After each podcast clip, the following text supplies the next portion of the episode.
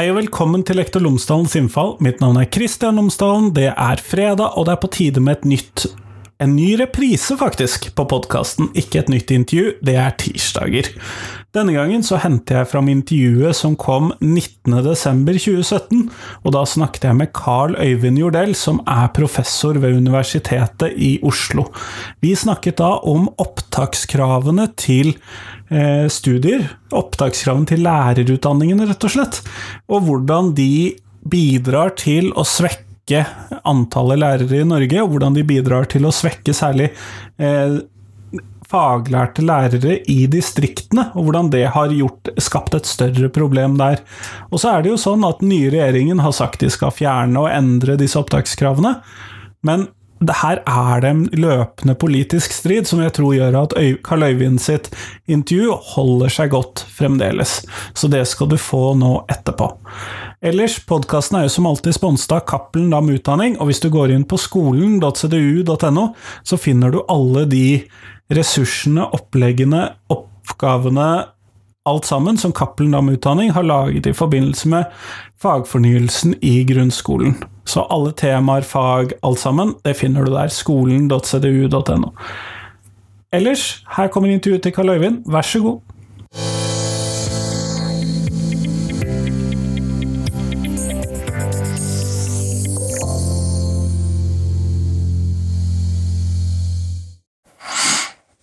Tusen takk for at jeg har fått lov til å komme og besøke deg på kontoret ditt, Karl Øyvind. Velkommen. Kunne du, for de av lytterne mine som ikke kjenner deg fra før, kunne du ha sagt tre ting om deg selv? Ja, altså, jeg er eh, professor i pedagogikk på Universitetet i Oslo. Det er det jeg har levd av de siste årene. Så liker jeg å gå på ski eh, om vinteren, og har derfor forhåpninger til at jeg kanskje kan få en ettermiddagstur i morgen her i Oslo. Og så liker jeg ro om sommeren. Og Siden dette er en podkast om en av mine kjepphester, så kan jeg jo si at en annen kjepphest, som du eventuelt kan lage en annen podkast om, det vil være valgordninger i kirken. Men vi må ikke starte på det, for da blir det helt borte. Vet du hva, Det hørtes ut som noe jeg faktisk kunne laget en podkast om, så det må vi komme tilbake til. For det er en interesse jeg også deler. Ja vel. Ja, vel. Eh, så, men denne første kjepphesten din, da, hvis vi skal ta den i dag, ja. Eh, så har jo du problematisert eh, dette med at man setter disse kravene til lærerutdanningen som gjør at det blir færre søkere. Mm. Hvorfor har du det? Ja, La meg nå korrigere litt. Det blir ikke færre søkere, men mange brukbare søkere blir holdt utenfor. Og dette startet jo allerede i 2005, da Clemet innførte, som statsråd i Bondevik-avdelingen, eh, regjeringen, innførte opptakskrav i matematikk og norsk, nemlig et krav om tre og et gjennomsnittskrav til videregående skoleprestasjonene på 3,5. Og Jeg husker jeg ble oppringt av en journalist den sommeren som spurte hvilken virkning det kunne ha, og sa at det, det høres fornuftig ut og det går sikkert bra. Og dette var, et, dette var det minst ytterliggående av flere alternativer hun skisserte.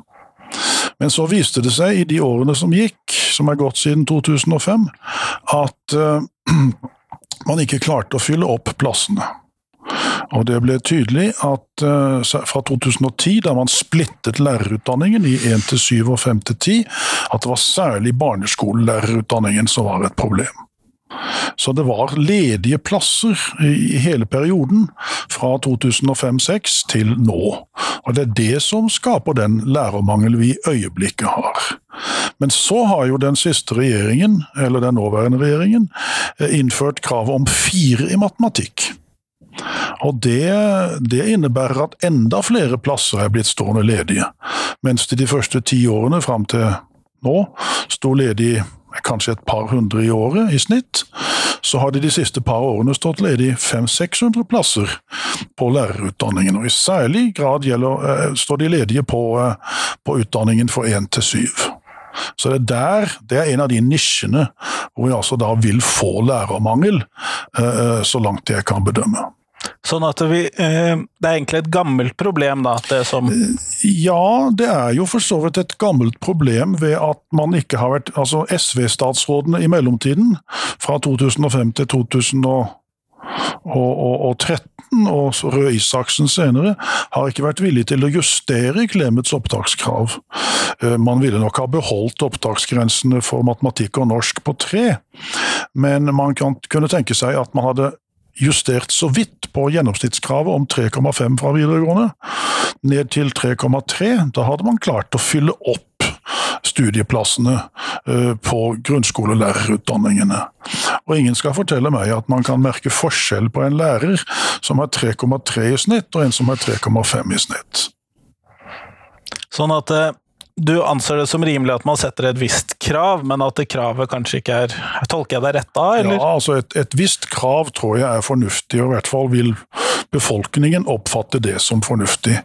Eh, men kravet er i øyeblikket for høyt. Eh, med dette firerkravet står det altså ledige plasser i størrelsesorden 500 per år, og i 2020 vil det medføre et veldig jump i, i, i, eh, i manglende utdannede, for få utdannede lærere, og lærermangelen vil stige dramatisk fra 2020 av. Sånn at dette er snakk om da ca. 7000 manglende lærere da, etter sånn. Ja. Hvis man skulle ta alle disse tomme plassene og summere ja, Hvor mange det blir og hvor mange det er, avhenger jo av mange ting. Og man må vurdere dette for hvert enkelt skolenivås vedkommende. Og som jeg sa, så er problemet særlig stort knyttet til nisjen barneskolelærerutdanning, altså 1 til 7. Men, eh, men, Statistisk sentralbyrå regner også så med at det er der lærermangelen vil komme. Men tallene er eh, sprikende og uklare, eh, må jeg si. Jeg kan godt gå i detaljer om dem. Som du vet er film best på radio, som det heter i det gamle filmmagasinet. Jeg er ikke like overbevist om at tall er like Statistikk godt på radio. Statistikk er ikke alltid like godt på radio. Nei, riktig. Vi, men vi kan godt gå inn på det. nei, vi skal ta oss og slippe det. Jeg skal heller legge ved noe av det du har skrevet der, ja, tror jeg. Ja. Men du har særlig trukket fram dette med at dette særlig vil ramme distriktene? Ja, det er jo slik det alltid har vært i Norge, at det har vært vanskeligst å få lærere til å flytte ut på det som på oss der i Vigen heter den ytterste nøgne ø. Eh, altså eh, småsteder langs kysten, og i særlig grad eh, småsteder i Nord-Norge. Og, og, I fjor så gjorde altså statistikken for, og her får vi da et tall, statistikken for, for ufaglærte lærere gjorde et jump i Nord-Norge i fjor. Eh, dette er jo dette er jo kurver som som regel er veldig uh, lite Jevnt stigende? Jevnt, jevnt stigende, ja. Men eh, i, i Nord-Norge så, så, så, økte altså antallet ufaglærte lærere i grunnskolen med 35% i snitt for de tre nordnorske fylkene. Og i Troms, som jo er et universitetsfylke med to lærerutdanninger, altså den gamle universitetslærerutdanningen og lærerskoleutdanningen, så økte det med 42 fra det ene skoleåret til det andre. Og det var en ganske kraftig økning? Det er en kraftig, kraftig knekk i, i, kurven. Nå får vi nye tall om to-tre uker. Det er ikke sikkert at dette fortsetter, men, men, men en slik knekk er et varsel om at, at lærerdekningen i distriktene er, er, er svak. Og, og, Jeg så nettopp på grunnskolestatistikken, som dette, dette tallet er en del av. Og på landsbasis så, så er det ca. Eh, langt under 10% ufaglærte lærere, men i disse tre Nord-Norge-fylkene så er det altså ca. 10% Men det er ikke den prosenten som er det viktige. Det viktige er hvor mye det jumpet uh, siste år. Er det noen, vet vi noe om årsaken til at det jumpet på den måten? Har vi noen antakelser ja, altså, Årsaken er antagelig at eller for å si det på en annen måte, i 2010 gjorde jeg et privat estimat over hvordan lærermangelen ville utvikle seg. Og, og, og jeg, Det så ut som at vi hadde balanse i lærerdekningen i 2010, og at vi i 2020 ville kunne ha 10 000 ufaglærte lærere. Og jeg har undret meg litt at det ikke har vært mer oppstandelse eller bestyrtelse omkring antall ufaglærte lærere, men det ser ut til at det har gått saktere enn jeg forventet. Men så tok det seg altså opp, for å bruke det uttrykket om et negativt forhold. Eh, det tok seg opp eh, fra skoleåret 2015-16 til skoleåret 16-17. Og nå vil vi da få tall for skoleåret 17-18 om, om tre uker. Nettopp, så det er knyttet en viss spenning til at det tar Det, det er, Det vil si, ja, det- det- det- det kanskje i mer spesifikke kretser, da, men eh, Ja, altså jeg, jeg, jeg ville tro at uh, skoledirektørkontorene, eller hva de måtte hete nå i Nord-Norge, ser med en viss uro frem til hva disse siste tallene vil, vil vise. Jeg håper altså statsråden ser med uro frem til dette. Men årsaken, altså, den underliggende årsaken er at det hele tiden har vært utdannet for få lærere, og det, det merker man ikke som store tall før det går en tid, og så kan man plutselig få en sånt jump fra det ene året til det andre som vi nå har fått. så vil man jo da, som du sier, merke det mest i ytterkantene, for det, det er ikke der folk har lyst til å bo. Eller sånn. Veldig mange som tar en høyere utdanning, vil bo i de store byene. Nei, altså Folk vil nå søke til de områder hvor kafétilbudet er godt. Og, eh, og, og det er jo ikke så veldig sterkt i de ytterste utkantene, da. Nei, det er jo ikke det. Men det er ikke alt i Nord-Norge som er Nord-Norge. Jeg mener Alta, Tromsø, Harstad, Bodø de vil jo være De vil alltid ha god søkning, for der ligger det jo lærerutdanningsinstitusjoner. Men svært mange av de andre kommunene vil i økende grad oppleve problemer. Og ikke bare i Nord-Norge, også ut- utkantkommuner i Sør-Norge vil oppleve det samme, uten at de har detaljkunnskap. Nettopp. Det høres jo rimelig ut å anta at dette da vil bli et stort problem etter hvert i Nord-Norge. Ja, og særlig altså at når man, hvis man nå enda et år ikke gjør noe med denne opptaksgrensen på fire i matematikk, og på ny får 500 ledige plasser i lærerutdanningen, så vil det bli enda verre. Eh, Men, men altså igjen, det, det er en nisje, det er barneskolelærere, og det har jo med at, lærere fra mellomtrinn og videregående skole, der utdannes det et par tusen i året gjennom det som tradisjonelt har vært universitetenes lærerutdanning. Altså fagutdanning pluss praktisk-pedagogisk utdanning.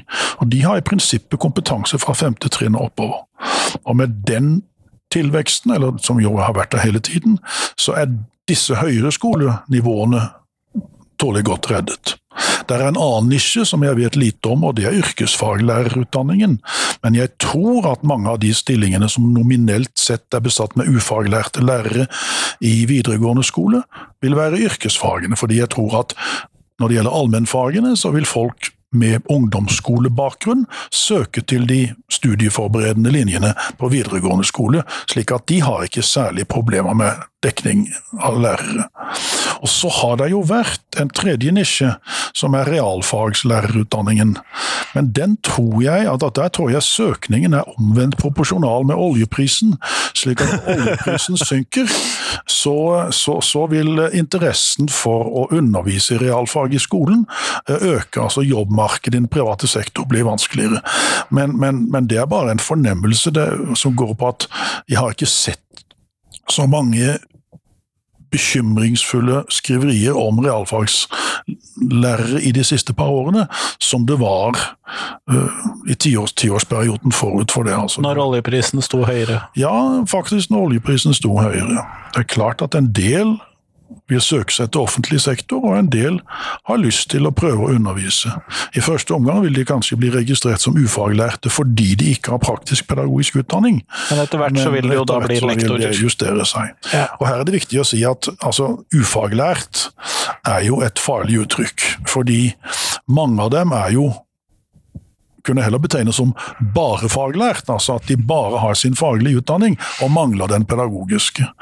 Så her er statistikkene dårlige, men det ser ut til at omtrent halvparten av de som oppgis å være ufaglærte i grunnskolen, virkelig er ufaglærte, altså bare har videregående skole og kanskje litt høyere utdanning på toppen, men de har De er ikke i nærheten av er barneskolelærer. nei, de er ikke i nærheten av en fireårig lærerutdanning.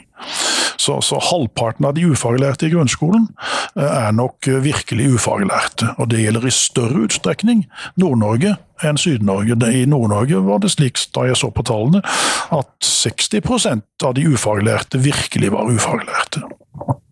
Det er jo ganske dramatiske tall. Alle elevene skal jo innom eh, barneskolen. Ikke alle skal innom det studiespesialiserende, studieforberedende, videregående linjer. Ikke Ja, og det er bekymringsfullt fordi er det noe som en lærerutdanning kan bidra med, så er det vel å gi metodikkopplæring hva angår den første lese-, skrive- og regneopplæringen.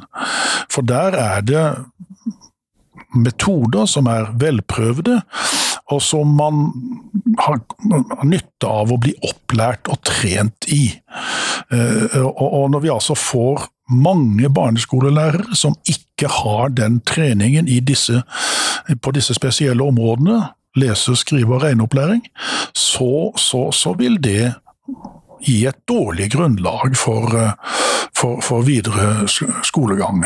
De lærer jo å lese og skrive og sånt, men mange vil kanskje ha unødvendig store problemer med det fordi metodikken ikke, fordi de lærerne de får, ikke har den riktige metodikken inne. Siden du er lærer sjøl, så vet du at man kan godt diskutere for øvrig hva praktisk pedagogisk utdanning eller pedagogisk utdanning betyr, men, men akkurat når det gjelder denne første lese-, skrive- og regneopplæringen, så tror jeg det er bred enighet om at det er fint at lærere har fått med seg det. Og det er det altså i økende grad mange barneskolelærere som ikke har fått med seg. Ja, det er jo nettopp eh, Man snakker jo ofte om at vi trenger sterke faglærere og sånn, men nettopp, særlig de første årene, så trenger man jo Er det åpenbart at man trenger gode pedagogiske verktøy? Ja, det er uttrykket pedagogiske verktøy er det som trenges der, og som de altså, hvis de bare har tatt videregående skole, eh, ikke har.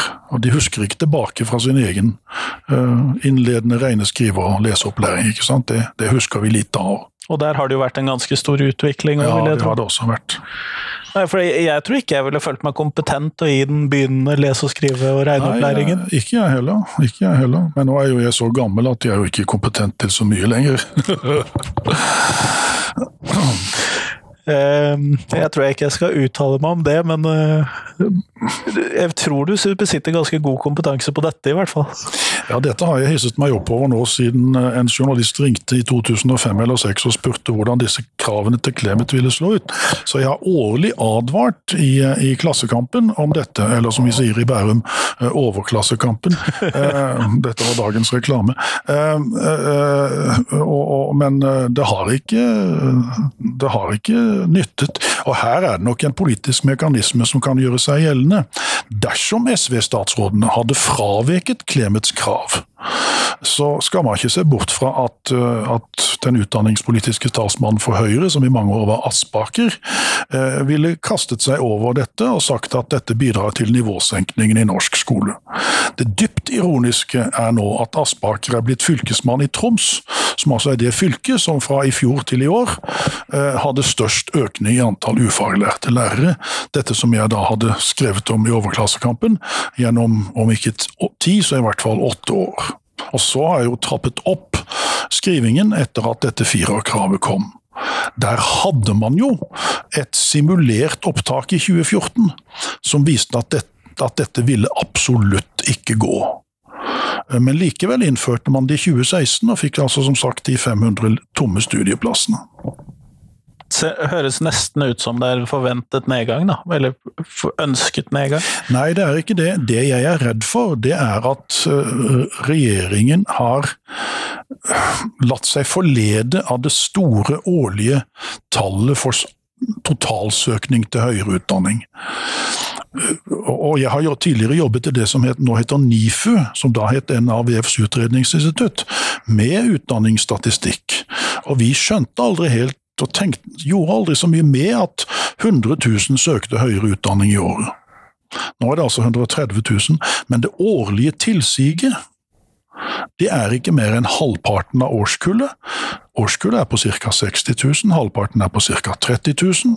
Det er ikke mer enn det som årlig er tilsig til, til, høyere utdanning. Når du får så høye tall, så er det fordi at folk bytter studier og bytter studiesteder, og, og opptaksprosessen er rigget slik at man må søke flere ganger. Så jeg har en fornemmelse av at man kan ha tolket det høye søkertallet feil, på tilsvarende måte som vi som arbeider med disse tallene, aldri egentlig helt skjønte hvorfor det var så høyt, og, og at det, det, ligger i bunnen. Og så har man ikke maktet å justere kursen etter at man nå ser at, at det blir altfor mange ledige tomme studieplasser.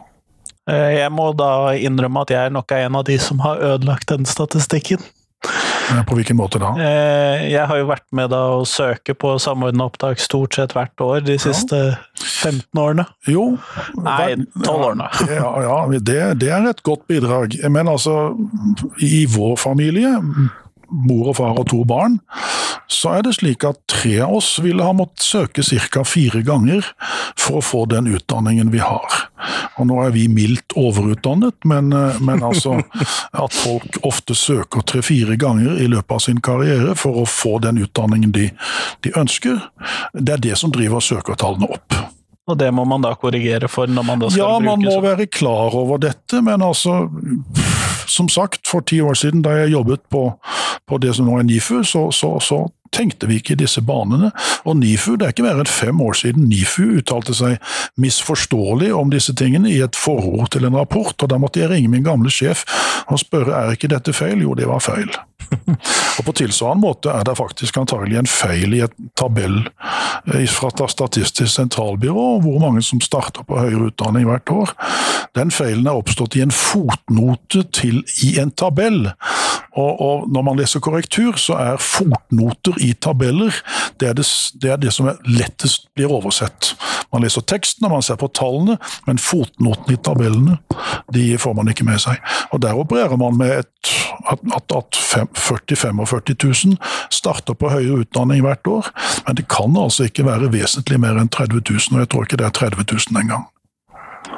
Nei, og det høres rimelig ut ut ifra hva vi vet om hvor mange som har høyere utdanning i Norge også. Ja, det er riktig. det er riktig. Hvis, nå, ikke, nå, skal vi ikke ta de tallene, for det er allerede blitt nok tall, men det er riktig at, at det stemmer på den måten også. Ja. Eh, men hvis vi da skulle ta oss og endre på kravene til lærerutdanningen, hvis vi skulle gjøre et forsøk på å spille, eh, spille, en ball over til eh, kunnskapsministeren, ja. hva slags type krav tenker du at vi burde stille for å både få kompetente lærere som har et grunnlag for å faktisk ta studiene, samtidig som vi skal ha mange nok lærere, samtidig som vi skal også ha dem villige til å flytte ut i distriktet? Ja, vet, Kongeriket får jo et stykke på vei de lærere som de er villige til å betale for. Slik at uh, man, man, man, må jo se slike spørsmål i lys av hva man betaler lærerne. Men hvis vi nå holder lønnen konstant, så er det jo slik at det ikke funket i årene fra 2005 til 2016 å ha gjennomsnittskrav på 3,5. Og som jeg sa innledningsvis, hvis man justerer det ned til 3,3, så tror jeg mye er gjort. Da kan man opprettholde kravet om tre i matte og tre i norsk for, for, for barneskolelærerne. Uh, så det er ikke så store tingene som skal til, egentlig? Nei, altså mitt skjønn er at, at Klemets, Klemets, forslag, eller Klemets vedtak, som var det mest forsiktige av fire alternativer, eller fire ja, det, det kunne ha fungert med svak justering etter et par år. Men det ble det aldri noe av. Så manglende evaluering av det som ble innført, da, med andre ord? Ja, jeg tror nok de, de må jo for så vidt ha Det er ikke så mye evaluering som gjøres. som trengs. Man kan bare se at det mangler det er 200 plasser man ikke får fylt. Og når det gjentar seg år etter år etter år, så skulle det jo vært mulig å foreta denne justeringen. Men altså, da kom det inn at skolen er jo et område for symbolpolitikk. Og hvis man hadde justert, så hadde man risikert uh, påtale, for å bruke et mildt uttrykk, fra Høyre. Høyre svikter kunnskapsskolen, eller lignende ja, type overskrifter? Nei, altså I dette tilfellet ville det da vært SV som, som sviktet kunnskapsskolen. Og, og Røe Isaksen kunne jo sikkert absolutt ikke gjøre det da han kom i posisjon.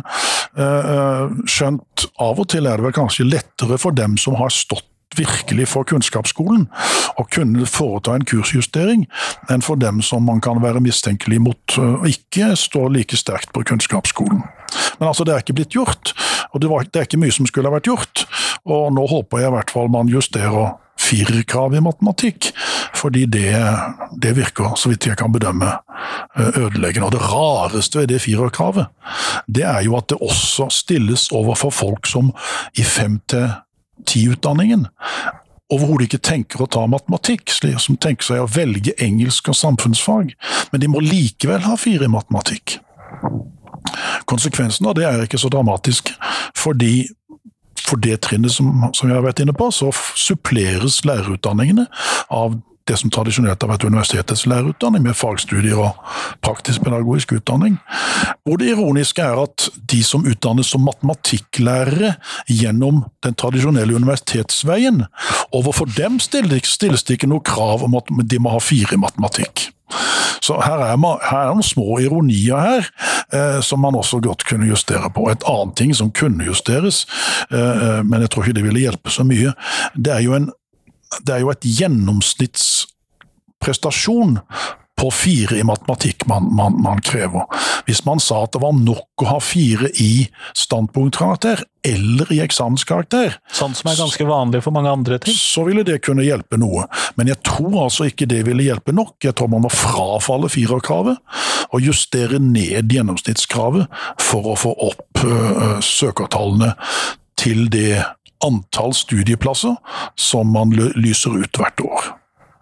Men hvis vi nå da ser på um, de siste ukene, så når dette her blir publisert, vel å merke, så er det vel de siste ukene og ikke forrige uke. Nei. Eh, så har vi jo fått dette at regjeringen har gått med på å sette inn en lærernorm. Ja. Hva tenker du om den eh, oppi det hele? Ja, nei, For det første er det der verdt å minne om at vi hadde en lærernorm under et annet navn inntil 2003. Da het det eh, klassedelingsregler. Eh, altså man hadde, kunne ha så og så mange elever per klasse. Den ble også fjernet av vår venninne Clemet. Eh, og, det skjedde jo i en KrF-ledet regjering, det var Bondevik II-regjeringen. Derfor er det jo ironisk at det nå er en KrF-aksjon mot en eh, Høyre-statsråd og en Høyre-regjering som, som på mange måter gjeninnfører dette. Og I utgangspunktet så er jo det er en fornuftig ting å ha en norm som sier hvor mange det på, elever det bør være per lærer.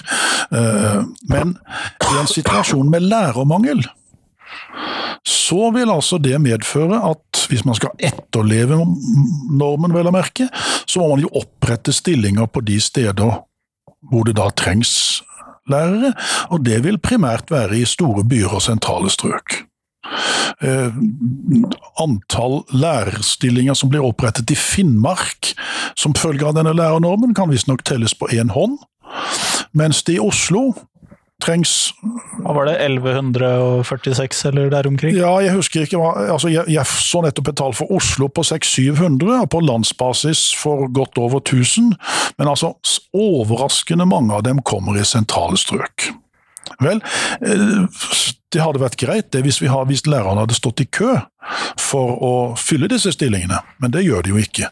De som står i kø, er de vi snakket om i stad, på de ytterste nøgne øyer, som kanskje er lei av å bo der, og som vil benytte denne anledningen til å flytte til sentrale strøk. Eh, så, så, så, kombinasjonen av firerkrav i matematikk og lærernormen i en situasjon med økende lærermangel eh, kan virke ødeleggende. Det er ikke uten grunn statsråden har kjempe... Eller den, ja, den statsråd som nå er vendt tilbake, altså Isaksen, han var jo ute i permisjon, har kjempet mot dette. Lærerlaget vil selvfølgelig gjerne ha dette, og, og, og en, som jeg sier, en norm i seg selv er jo nyttig, for da får man en, en form for uh, konkretisering av mulig eller sannsynlig underfinansiering av, av skolen. Men det er i det øyeblikk normen skal virkeliggjøres, at man får denne effekten at folk flytter fra distriktene. Og Det rareste som er kommet opp i denne situasjonen, det er jo forestillingen om at ja, vi har jo 37 000 eh, lærere som ikke jobber i skolen. Ja, det har vi hørt en del om. De må jo komme. Vel, det man ikke og, og, hvis det hadde vært som før, at de satt der med lærerutdanning, riktignok hadde de mindre erfaring fra skolen, men de hadde i hvert fall en, de var sertifisert, så kunne de jo overveie å søke. Men her er det kommet inn noe som vi ikke har snakket om, men som kompliserer denne gruppens situasjon. Nemlig denne såkalte avskiltingen av lærerne, som jo ikke er en avskilting, men det er å si at hvis du ikke tar etter- og videreutdanning innen 2025, så vil du ikke lenger være sertifisert lærer. Slik at store lærergrupper som er i skolen, er nå i ferd med å ta denne etter- og videreutdanningen for å tilfredsstille de krav som skal være innfridd innen 2025. Og får dette da delvis dekket av arbeidsgiver og så Ja, og får dekket av arbeidsgiver. Hvis du, hvis du da tenker på situasjonen til en person som f.eks. bor i Hamar, og som ikke har vært ute i skolen, så, så vil vedkommende stille bakerst i køen. Først vil skolemyndighetene i Hamar ansette de som tilfredsstiller disse nye kompetansekravene allerede. Hvis de ikke klarer å få nok slike, nok slike, så vil de tilsette folk som i hvert fall har erfaring fra skolen. Eh, Selv om de altså ikke har tatt etterutdanningen, så har de vært i skolen. Og sist kommer da den gruppen som verken har vært i skolen på mange år, eller har tatt disse etterutdanningene. Nå er det ikke alle de 37 000 som, kommer, som, som, som verken har etterutdanning eller skoleerfaring, men det vil altså være store grupper av de 37 som, som 37 000 som, som ikke, ikke tilfredsstiller de nye kompetansekravene fra 2025. Og så I tillegg så skal de jo faktisk ha lyst til å begynne i skolen, da. Ja, ikke bare skal de ha lyst, de skal også helst slippe å flytte. Men siden lærere fra utkantene med kompetanse og erfaring søker seg mot sentrale strøk, så risikerer du at denne læreren på Hamar må søke seg til en eller annen sidedal i Gudbrandsdalen og starte sin karriere der. Eller hvis han bor i Tromsø, eh, eller det er som regel en hund, bor i Tromsø, så må hun søke seg til Karlsøy, eh, som er halvannen times kjøretur fra Tromsø, for å komme inn i en lærerstilling. Slik at samspillet mellom avskiltingen, som jo altså er en varslet avskilting, eh, og troen på de 37 000, det, det henger ikke på greip. Så dette forverrer egentlig da situasjonen knyttet til den manglende utdanningen av lærere på barnetrinnet? det, det forverrer situasjonen, fordi man har ikke den ressursen som alle har håpet på. På 37 000 eller 40 000 er det andre tallet som brukes. De, de vil være vanskelige å dra inn i skolen. Det høres jo ikke ut som man har en lett løsning, særlig for distriktene her, da. Det Nei, høres ut som det mangler vesentlig gjennomarbeiding av dette. Ja, når du får økende lærermangel i kombinasjon med opprettelse av flere stillinger i sentrale strøk, så har du virkelig så kommer du virkelig ut og kjøre. Vi får jo håpe at, at man kan reversere noe av dette, da. Ja. Eh, og Men du har jo allerede gitt noen innspill til hvordan man kunne ta oss og Men som. Davin P. Erlandsen i Dusteforbundet pleide å si, fornuften er en ensom ting. Ja. Særlig oppi all symbolpolitikken. Ja, og det, ja, det er et viktig poeng. Det er altså Man er livende redd for å gi inntrykk av at man firer opp på kravene, men her må man foreta justeringer. For ellers går det altså symbolpolitikk på bekostning av småskoleelever er i lengden ikke noe høyverdig, noen høyverdig politikk. Hvis vi skulle gå litt videre og så skulle vi se på selve lærerutdanningene slik vi har det i dag, Ja, eh, hva tenker du at eh, vi burde gjøre for å så vel fornye eller forandre, eller eh, Nei, altså Det er et spørsmål som jeg nesten vil avvise med å henvise til at vi har endret lærerutdanningen mer eller mindre hvert femte eller sjette år de siste 15-20 årene. sånn omtrentlig én generasjon med nyutdannede Nei, altså, Man har knapt kunnet gjennomføre en fireårig lærerutdanning før det kom en ny versjon. Det var altså, eh, Vi hadde en lærerutdanningsreform i begynnelsen av 70-årene, og så gikk det 20 år. Men så var det en i begynnelsen og en i midten av 90-årene, en på begynnelsen av 20-tallet og en i 2010. Og så har det vært mindre justeringer i tillegg. Så i løpet av perioden fra jeg tror det er 1992 til 2010, så var det altså fire ulike lærerutdanninger.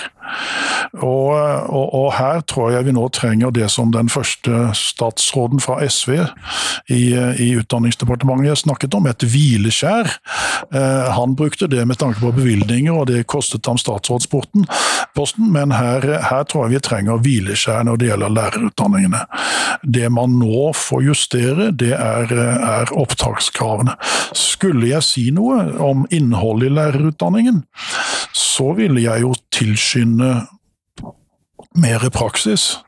Men det er kostbart, for da er elevene i små grupper, studentene er i små grupper eller er som enkeltutplasserte, og, og, og det er kostbart. Men uh, Ja, Da må det tilføres en del mer ressurser som det, kanskje ikke det, finnes nå? Det tror jeg ikke er tiden for det. Men hvis vi da skulle gå til avslutningen av podkasten, så har du eh, bedt om en liten eh, endring fra mitt vanlige spørsmål. Ja. Og da er rett og slett hva er de vanskeligste temaene å behandle i norsk skole i dag? Og det Nei, det, det nest vanskeligste er det som vi har snakket om, nemlig lærerdekningen. Og som sagt, det er kombinasjonen av for høye opptakskrav og nå opprettelse av stillinger i sentrale strøk som vil være hovedproblemet. Og jeg har tatt til orde for en distriktsnorm. At man ikke skal tilsette i sentrale strøk dersom antall ufaglærte overstiger et visst nivå i distriktene. Det ville være en form for beordring, men det er altså en, en, noe man må overveie, og man kan premiere de som beordres med penger og og, og privilegier av typen da får de fortrinnsrett til de stillinger i de kommunene de måtte ønske. Dette er ikke lett å få til, men jeg tror det er en mulig vei. Jeg tror likevel det største problemet i, i norsk skole, som jeg ikke har klare synspunkter på, synspunkter på hvordan kan løses, det er frafallet i videregående skole. Det er ikke så høyt som man av og til får inntrykk av, fordi i løpet av en fem-seks-syvårsperiode så er det mange som omsider sluttfører løpet i videregående skole. Men eh, blant 30-åringer i Norge i dag, altså de som er mellom 30 og 39 år, så er snaue 20, så det snaue 20% som ikke har utdanning utover grunnskolen. Og vi har veldig få jobber som er åpne for folk som ikke har utdanning utover grunnskolen. Og Derfor er det å, å, å, få folk til å få elever til å gjennomføre, og det gjelder jo i særdeleshet de yrkesfaglige studieretningene, eh, det er det største problemet i norsk skole. Og det krever antagelig et, et nært samarbeid mellom næringsliv og skoleverk. Og jeg vet jo at de søker å samarbeide, men det er stadig diskusjoner om hvor mange lærlinger det er rimelig at man skal ta inn osv. Men altså, jeg så nettopp på tallene, og 20% av årskull på ca. 60 000 og faktisk er årskullene større fordi pga. innvandrere så er årsklassene på 70 000 blant disse 30-åringene. 20 av 70 000 som bare har grunnskole, det er 14 000. Og, og, det er ganske mange mennesker. Det er ganske mange per årsklasse. Altså du har 140 000 30-åringer. Altså mellom 30 og 39 som bare har grunnskole. Det er den gruppen som nærmer seg uføretrygd i mange tilfeller. Men altså et nærmere samvirke mellom næringsliv og, og også statlige offentlige arbeidsgivere og, og, skoleverk. Det er her løsningen ligger, men her finnes, her finnes ingen lette løsninger. For å være helt ærlig, så er det å frafalle lærernormen og justere opptakskravene, det er meget overkommelig i forhold til det man står overfor når det gjelder, når det gjelder uh, videregående skole. Tusen takk, Karl Øyvind Jordel, for at jeg fikk besøke deg i dag. Ja, det var hyggelig.